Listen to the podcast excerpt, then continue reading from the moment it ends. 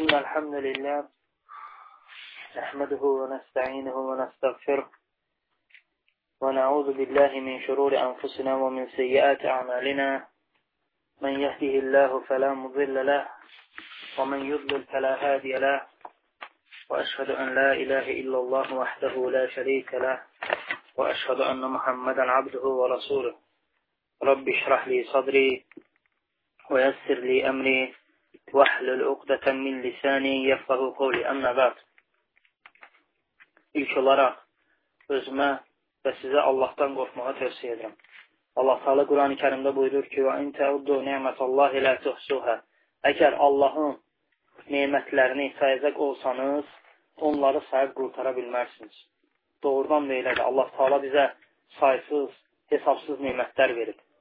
Bunların hər biri təklikdə çox bahalı nemətlərdir. Hətta dünyanın malını versələr belə bəzilərindən biz keçə bilmərik. İnsana verilən ən bahalı nemətlərdən biri də bədən üzvləridir. Allah Taala insana verən böyük nemətlərdən biri dil nemətidir. Allah Subhanahu taala Qurani-Kərimdə bu neməti dəfələrlə bizim nəzərimizə çatdırır ki, bu nemət haqqında düşünək və Allaha çoxlu şükürlər eləyək. Allah Taala Qurani-Kərimdə buyurur ki: Ələm nəcəl ləhu əynin və lisanən və şəfəteyn. Məgər biz insana iki göz, bir dil və iki dodaq vermədikmi? Baxın, gözü və danışıq nemətini zikr edir Allah Taala. Başqa bir ayədə Allah Subhanahu taala Quran-ı Kərimdə buyurur ki: "Ey iman gətirənlər, Allahdan qorxun və doğru danışın." Fikir verin, Allah Subhanahu taala deyir ki, doğru danışın. Nəyə görə? Əgər siz doğru danışsaz, bu dil nimətinin şükürünü vermiş olarsınız. Ümumiyyətlə, insanlar danışığına görə dörd qismə bölünürlər. Birinci qism o şəxslərdir ki, danışmazdan əvvəl fikirləşərlər. Yəni, insan oturub düşünür, sonra danışır. Bunlar xoşdax insanlar adlanır. Nəyə görə? Çünki oturub düşünür. Əgər xeyirdirsə, məsləhətdirsə danışır. Yox, əgər şərdirsə danışmır. danışmır. Ona görə bu növ insanlar, bu qism insanlar xoşbəxt insanlar sayılırlar. İkinci qism o şəxslərdir ki, danışa-danışa fikirləşirlər. Bunlar da birinci dərəcəsinə çatmasalar da, bunlar da xeyirli insanlar sayılırlar. Üçüncü qism insanlar o şəxsdir ki, danışandan sonra fikirləşirlər. Bunlar ümumiyyətlə çox hata edirlər. Bu qismin insanları çox hata edirlər. Çünki əvvəlcədən və yaxud da danışanda fikirləşmirdilər ona görə. Dördüncü qism isə ümumiyyətlə bədbəxt insanlar adlanır. Nə danışmazdan əvvəl fikirləşirlər, nə də ki, danışdıqdan sonra fikirləşirlər. Ancaq ümumiyyətlə müsəlman birinci bu neməti xatırlamalıdır və ondan sonra da ona şükürünü layiqinlə versin deyinə Allah subhanət necə buyurubsa, o cürə istifadə eləməlidir. Ondan əlavə, şükründən əlavə biz qiyamət günü bu nimətə görə sorğu-sual olmayacaq. Ağzımızdan çıxdığı hər bir kəlməyə görə biz Allah qabağında cavab verəcəyik. Hər bir kəlməyə görə biz Allah qabağında cavab verəcəyik. Fərqi yoxdur, az danışmısan, çox danışmısan, yaxşı danışmısan, pis danışmısan, hər bir kəlməvə görə cavab verəcəksən. Ona görə sən sorğu-sual olunacaqsan. Dil elə bir nemətdir ki, onun sayəsində insan cəhənnəmi və cəhənnəmin ən qat təbəqələrini qazana bilər və onun sayəsində cənnəti və cənnətin ən yüksək təbəqələrini qazana bilər. Ona görə də bu ən böyük nemətlərdən sayılır. İnsanı cəhənnəmə salan ən böyük amillərdən də biri məhz dildir. Əbu Hüreyrə radiyallahu anh rəvayət edir ki, Peyğəmbər sallallahu aleyhi və səlləmdən soruşdular.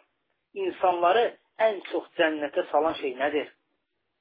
Peyğəmbər sallallahu aleyhi ve sellem buyurdu ki, Allah qorxusu və həya. Sahabələr sonra yenə soruşdular. Ancaq əksini soruşurlar. Buyururlar ki, bəs insanları ən çox cəhənnəmə salan şey nədir? Peyğəmbər sallallahu aleyhi ve sellem buyurur ki, dilləri və övrət yerləri. Baxın, subhanallah. İnsanı ən çox cənnətə salan şey Allah qorxusudur. Çünki insanda Allah qorxusu olanda həm Allaha ibadət eləyir, həm də ki, Allahdan qorxaraq günahlara keçmir. Sonra da ki, həya, həya İslamda bəyənən əməllərdəndir. Baxın, bəzi sahabələrdə həya var idi. Peyğəmbər sallallahu hətta o sahabələrdən belə həya edərdi. Məsələn, onlardan biri Osman radiyallahu anh oldu. O qədər həyalı idi ki, Peyğəmbər sallallahu aleyhi və sələm özü ondan utanardı. O şəxsdən hətta mələklər belə utanardı. O şəxs ki, ayaq yoluna getdikdə belə başını qaldırmazdı. Ta çıxana qədər. Cəmat soruşurdu ki, ayaq yolunda sən heç kəs görmürdü. Bir Allah sala görür axı məndir. Allahdan utanardı. Ona görə də insanı cənnətə salan şey ən çox insanları cənnətə salan şey Allah qorxusu və həyadır.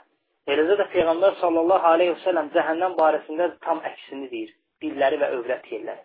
İnsan dili sayəsində cəhənnəmi qazanır. Adicə, sən dilin ilə Allaha şərif qoşduğunda, qoşduqda cəhənnəmi at qatını qazana bilərsən. Ona görə də hər bir müsəlman fikir verməlidir. Danışdığı hər bir kəlməyə görə cavab verəcək. Süfyan ibn Abdullah radiyallahu anh rəvayət edir ki, Peyğəmbər sallallahu aleyhi və səlləmdən soruşdum ki, Ya Rasulullah, mənim haqqımda ən çox qorxduğun şey nədir?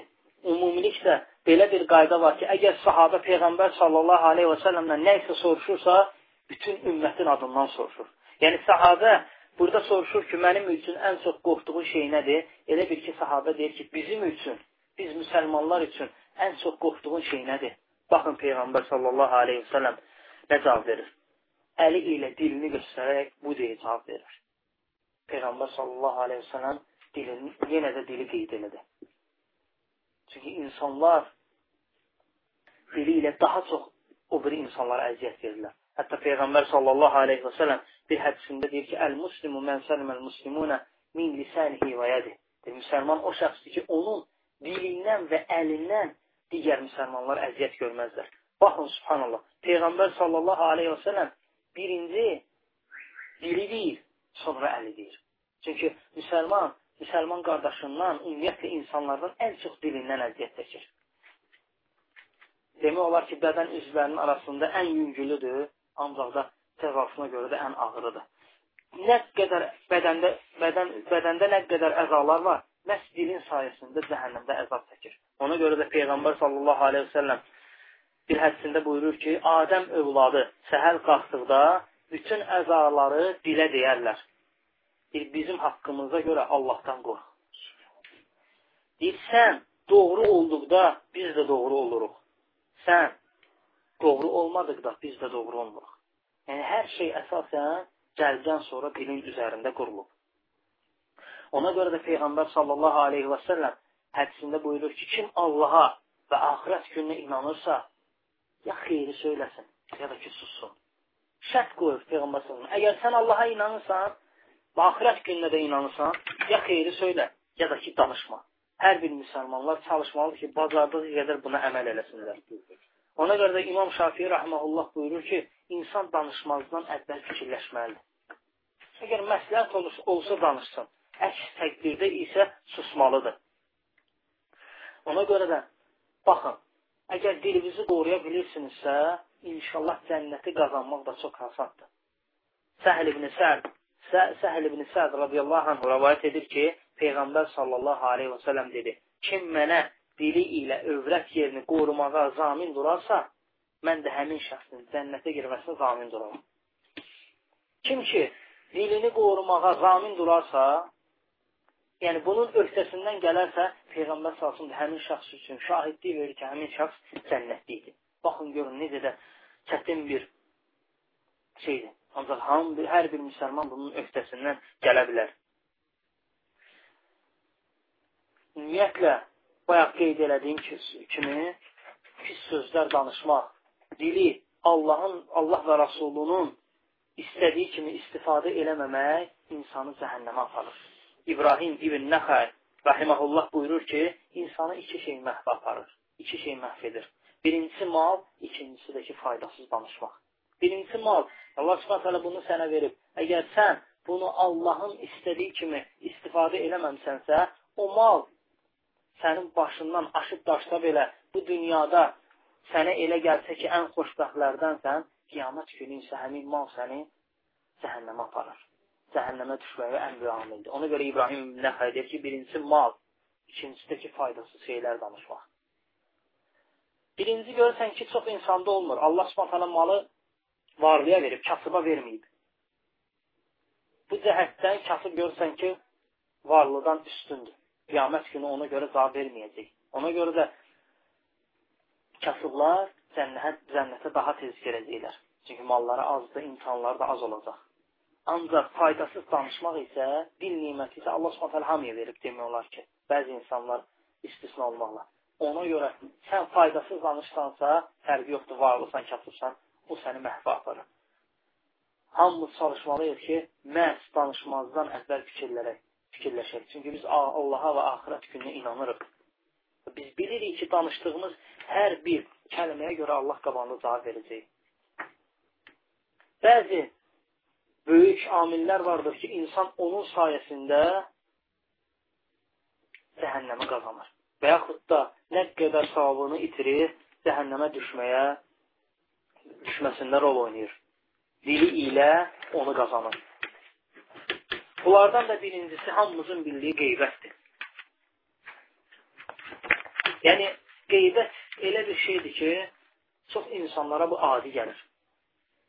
Hətta oturuq, görsən, qeybət eləyir, insan danışıb gülür, heç ondan sonra da fikirləşmir ki, mən kimisə haqqına girdim, kimisə qeybətini elədim, kimisə eybini atdım. Danışıb gülür, sonra da gedir, heç haqda da fikirləşmir. Ancaq qeybət əslində indi əzəmətli bir şey sayılır. İnsanın savablarını insanın savablarının yeməsinə səbəbdir. Qeybət nədir? Peyğəmbər sallallahu aleyhi və səlləm buyurur ki, qeybət bir və ya bir neçə şəxsin müsəlman qardaşının iştirakı olmadan onun haqqında xoşuna gəlmədiyi şeyləri danışmasıdır. Əgər hər hansı bir insan, müsəlman yoxdursa burada, onun arxasınca xoşuna gəl, onun xoşuna gəlməyən şeyi danışmaq bu qeybətdir. Ona görə Əbu Hüreyrə radiyallahu anh rəvayət edir ki, Peyğəmbər sallallahu aleyhi və səlləm bir gün sahabələrindən soruşdu, qeybət nədir? Sahabələr Allah və Rasulü daha yaxşı bilər deyə cavab verdilər. Peyğəmbər sallallahu aleyhi və səlləm buyurdu ki, qardaşınızın xoşuna gəlmədiyi şeyi onun arxanı, arxasınca söyləmənizdir. Sahabələr görün nə sual verir. Deyir, ya Rasulullah, əgər söylədiklərimiz doğrudan da onda varsa necə? Peyğəmbər sallallahu səlləm buyurur, buyurur ki, Əgər söylədikləriniz həqiqətən onda varsa qeybət etmiş olursunuz. Yox, əgər yoxdursa, böhtan atmış olursunuz. Baxın, istəyir doğru dedin, istəyir yalan dedin. Qeybət elədinsə, sən o böyük günahı artıq qazanırsan. Həsən el-Basr rəhməhullah buyurur ki, insanın arxasınca danışmaq üç növdür. Birincisi odur ki, qeybət. İkincisi odur ki, böhtan. Üçüncüsü də ki, ifk. Qeybət nədir? Bayaq dediyim kimi, bir şəxsin iştirakı olmadan onun xoşuna gəlməyən şeyləri onun arxasınca danışmaqdır. İkincisi böhtandır. Böhtan nədir? Danışmadığın şey, e, böhtan nədir? Danışdığın şey onda yoxdur. Yəni, danışdığın şey həmin şəxsdə yoxdur. Üçüncüsü də odur ki, ifk, ifdəki sənə çatan yalanı danışmaqdır. Gəlir, sən hansısa bir yalan danışdı, onu deyirsənsə, yayırsansa, bu artıq ifkdir. Bu da ən betəridir. Peyğəmbər sallallahu aleyhi və sələm qeybətin cəzası barədə buyurur ki, merazda olduğunda bir qism insanlara rast gəldim. Onlar dırnaqları, onlar, onlar dırnaqları ilə üzlərdi və sinələrini qırırlardı. Cəbraildən onların kim olduğunu soruşdum. Cəbrail əleyhissalam buyurdu ki, onlar insanların ətlərini yeyən və onların eyblərini danışanlardır. Öz dırnaqları ilə üzlərini sinələrini cırırlardı. Nəyə görə? İnsanların ətlərini yeyirlərdi, yəni qeybət edirlərdi. İkincisi də ki, insanların eyblərini danışırlardı ona görə. Abdullah ibn Abbas radiyallahu anhu buyurur ki, başqalarının xətalarını danışmaq istədikdə ilk olaraq öz qüsurlarından xatırla. Danışmaq istəyirsən, birinci özündə olan naqislikləri xatırla. Bil ki, səndə də xətaların var, sənin də naqisliklərin var. Sənin xoşuna gələrmi? O qardaşın sənin o eyblərini sən olmadan desin. Xoşuna gəlməz. Xoşuna gəlməzsə, bəs sən niyə görə qardaşının eyblərini deyirsən? Ona görə bu sualı özünə ver. Ondan sonra əgər sənin də xoşuna gəlirsə, danış. Heç bir insan xoşuna gəlməz ki, onun eyblərini açsınlar. Ondan əlavə Peyğəmbər sallallahu aleyhi ve sellem hədisini düşün ki, Peyğəmbər sallallahu buyurur, kim bir müsəlmanın eybini gizlədərsə, qiyamət günü Allah Taala da onun eyblərini gizlədər. Kim ki, bir müsəlmanın eybini atarsa, Allah subhanət qiyamət günü onun eyblərini atar. Hədisi düşün. Əgər sən hansı bir qardaşın eybini atsansa, bil ki, Allah Taala qiyamət günü sənin eyblərini atacaq. Ömər ibn el-Xattab radiyallahu anh buyurur ki, Allahı çoxlu zikr edin. Çünki zikr etmək şəfadır. İnsanların qeybətlərini eləməyin. Çünki qeybət etmək xəstəlikdir. Doğrudan da xəstəlikdir. Əgər düşünürsən ki, bir dəfə qeybət elin, sonra eləmərəm, tövbə eləyərəm, yox. Xəstəlikdir, ona tutulduğunsa ardı gedəcək. Bir nəfər Həsən ibn Həsən el-Basrın yanına gələrək buyurur ki, işitmişəm ki, mənim qeybətimi eləmişəm. Həsən el-Basr rəhməhullah buyurur ki, əgər sən qeybətini etmiş olsaydım, savablarımdan sənə vermiş olardım. Baxın, subhanallah. Doğrudan da elədir. Sən qeybət elədikdə düşün ki, yığdığın savabları ona vermiş olsan. Hansı ki, əziyyət çəkmirsən, savab yığmısan, qeybət edəndə düşün ki, sənin savabların ona gedir. Nə qədəri onu Allah taala bilir. Ona görə qiyamət günü insanlar gələcək ki, düşünəcək ki, dağlar boyda savabların var. Gəl görəcək, heç nə yoxdur. Səbəb də nə olacaq? Onun düşünməyinin də əsası olur. Çünki onu eləyib o qədər savab qazanan əməllər eləyib. Ancaq qiyamət günü gəlində görəcək ki, yoxdur. İnsanların qeybətini eləyib, onu vurub, onun haqqını yiyib, deyini Allah subhanətələ onun savablarını götürür. Baxır ki, heç qalmayıb. Ona görə də Allahdan qorxmaq lazımdır və qeybətdən çəkinmək lazımdır. Peyğəmbər sallallahu aleyhi ve sellem buyurur ki, kim qeybət zamanı müsəlman qardaşının ətini yeməkdən üst çevirərsə, Allah da onu oddan azad edər onun üzünü oddan çevirər. Baxın, subhanallah. Gəldin, gördün, qeybət eləyirlər. Birinci çalış ki, o məclisi susturasan. Bu sənin boynunda vacibdir. Yox, əgər sustura bilmirsənsə, bu hədsiz üçün çıx get. Allah subhanallah və inşallah sənin bu əməlinə görə səni oddan xilas edər. İnsanın dili ilə qazandığı böyük günahlardan da biri nəmimədir. Nəmimə odur ki, fəsad, fitnə fəsad törədəsən deyinə insanlar arasında söz gəzdirirsən. Peyğəmbər sallallahu aleyhi və səlləm də nəmmamlıq barədə buyurur ki, nəmmamlıq edən şəxs cənnətə girməyəcəkdir. Baxın, açıq aydın buyurur. Nəmmamlıq etmisənsə cənnətə girməyəcəksən. Ola bilsin sənin çoxlu əməllərin olsun, səni cənnətə salan əməllərin olsun. Ancaq nəmmamlıq eləmisənsə, sən cənnətə girməyəcəksən. İlk olaraq cəhənnəmə girib, buna görə cəzabı çəkilib, ondan sonra əgər cənnət əhlindənsənsə, çıxıb cənnətə girəcəksən. Nəmmam ilk anda cənnətə girməyəcək mütləq cəhənnəmi görməlidir. Yahya İbn Əbu Kəsir nəmmamlıq barədə buyurur ki, nəmmam ilə yalansının bir saatda etdiyi fəsadı sehirbaz bir ildə eləmir. Doğrudan da elədir. Görürsən, nəmmam aranı elə vurur ki, müsəlmanlar arasında fitnə, fəsad, inciklik, düşmançılıq illərlə davam edir. İllərlə davam edir. İnsanın dili ilə qazandığı günahlardan da biri yalan danışmaqdır. Peyğəmbər sallallahu aleyhi ve sellem buyurur ki, münafiqin əlaməti üçdür. Danışanda yalan danışar, vəd verdikdə ona əməl eləməz. Üçüncüsü də ki, xə əmanətə xəyanət edir. Bu münafiqlərin əlamətidir. Ən böyük əlamətləridir. Həsən el-Basr rəhməhullah buyurur ki, münafiqlik özü yalan üzərində qurulmuşdur. Ona görə də yalandan çəkinmək lazımdır.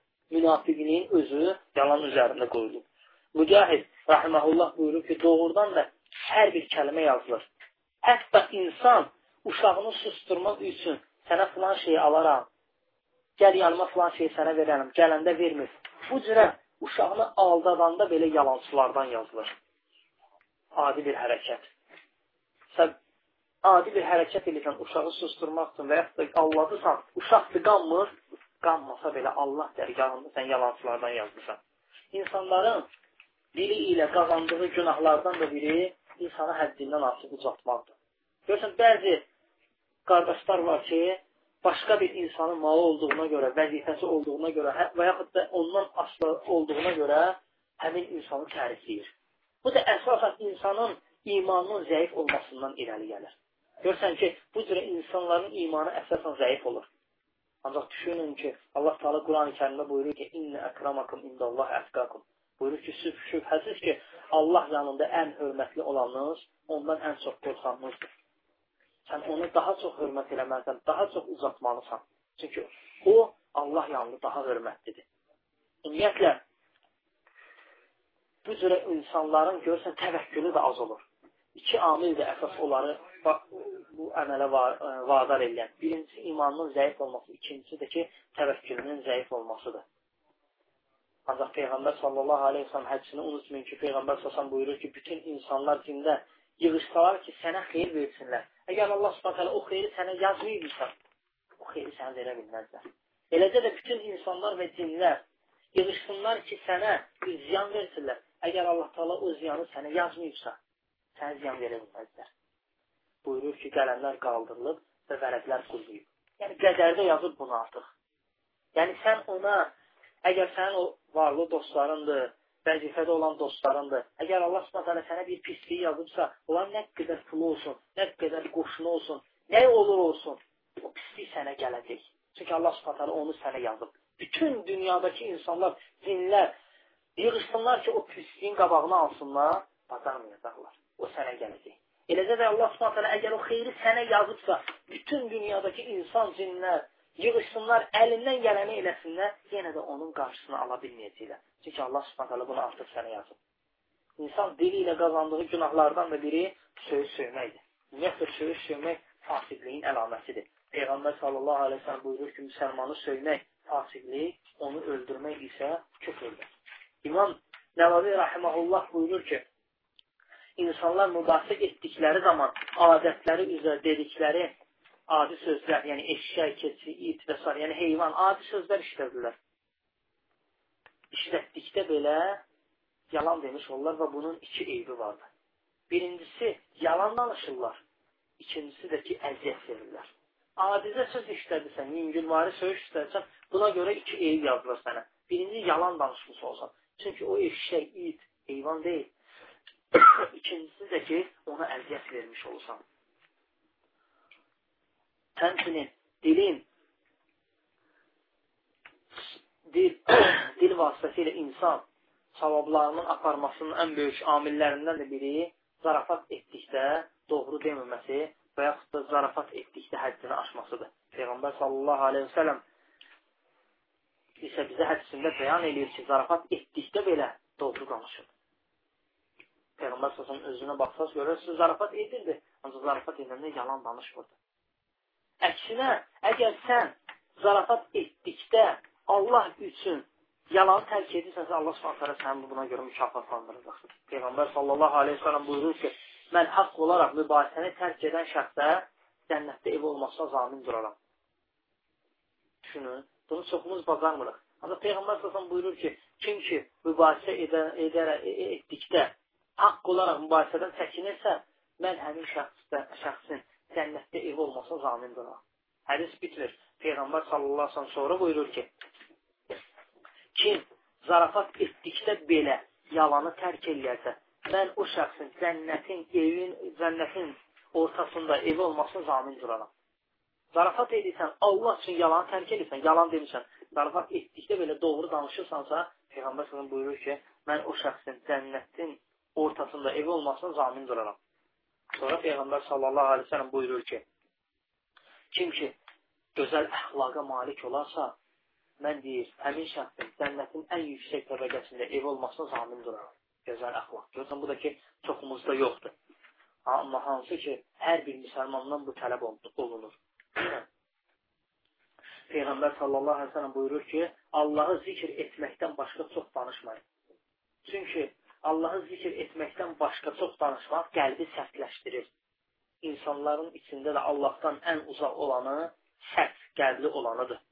Cibril əleyhissalam Peyğəmbər sallallahu ve sellem buyurur ki, cəhənnəm yaranan indiki, yaralandan indiki günə qədər mən görməmişəm. Mələkdir. Allahın əmrinə asi olmayan, daima Allahın buyurduqlarını yerinə yetirən mələk buyurur ki, cəhənnəm yaranan bu günə qədər mən görməmişəm. Dilin gətirdiyi bəlalardan da biri yalandan vəd verməkdir. Görürsən, çox aramızda yayılıb, yalandan vəd veririk, ancaq ona əməl eləmirik. Bu bizə adi şey gəlsə də dində savablara aparan ən böyük amillərdən biridir. Peyğəmbər sallallahu əleyhi və səlləm bunu münafiqin əlamətlərindən adlandırıb. Peyğəmbər sallallahu buyurur ki, münafiqin əlaməti üçdür. Danışanda yalan danışar, vəd verdikdə ona əməl eləməz və əmanətə xəyanət eləyər. Baxın, subhanallah. sahabələr, sələflər vəd verdilərsə, onun nə olursa olsun onun üstündə durmağa çalışırdılar. Hətta baxın, misala, Abdullah İbni Ömər ölüm anında deyir. Bir Qureyşdən olan filan kəs məndən mənim qızımı istəmişdi. Mən də qətiyyətlə olmasa da ona söz vermişəm. Buyurur ki, Allaha and olsun ki, Allahla münafiqin üç əlamətlərindən biri ilə qarşılaşmaq istəmirəm. Qızımı ona verərsiniz. Sizi də buna, sizi də şahid götürürəm. Of ibn Numan deyir ki, cahillikdə dövründə cahillərdə kişinin susuzluqdan ölməsi vəd verib ona xilaf çıxmasından daha xeyirli idi. Baxın, subhanallah. Harun ibn Süleyman Əhməd ibn Həmbəlin oğlu Abdullahdan soruşur ki, atandan yalancıları necə tanıyırsan deyə soruşdunmu? Oğlu da deyir, bəli, soruşdum. Atan da mənə dedi ki, mən yalancıları vədlərindən tanıyıram. Vəd verib əməl eləməyirsə, bilirdim ki, həmin şəxs yalancılardandır. Həmçinin insanın dili ilə qazandığı böyük günahlardan da biri insanların sirrini açmaqdır. Ümumiyyətlə, insanların sirrini açmaq həm xəyanətdir, həm də ki, sən müsəlmanlara bununla əziyyət verirsən. Peyğəmbər salsın buyurub ki, bir kişi səninlə söhbət edib, sonra çönüb gedərsə, o sənə əmanətdir. Nə deyirsə, bu sənə əmanətdir. Əli radiyallahu anh buyurur ki, dedikodu, yalan və sir açan olmayın. Yoxsa baş, başınıza şiddətli, məhvedici bir bəla gələr və uzun sürər böyük bir fitnəyə məruz qalarsınız. Nəyə görə? Dedikodu, yalan və sir açmağa görə. Allah subhanət hələdən istəyirəm ki, bizi işidib faydalanlardan etsin. Bu barədə mövzu uzundur. İnşallah gələn dərslərimizdə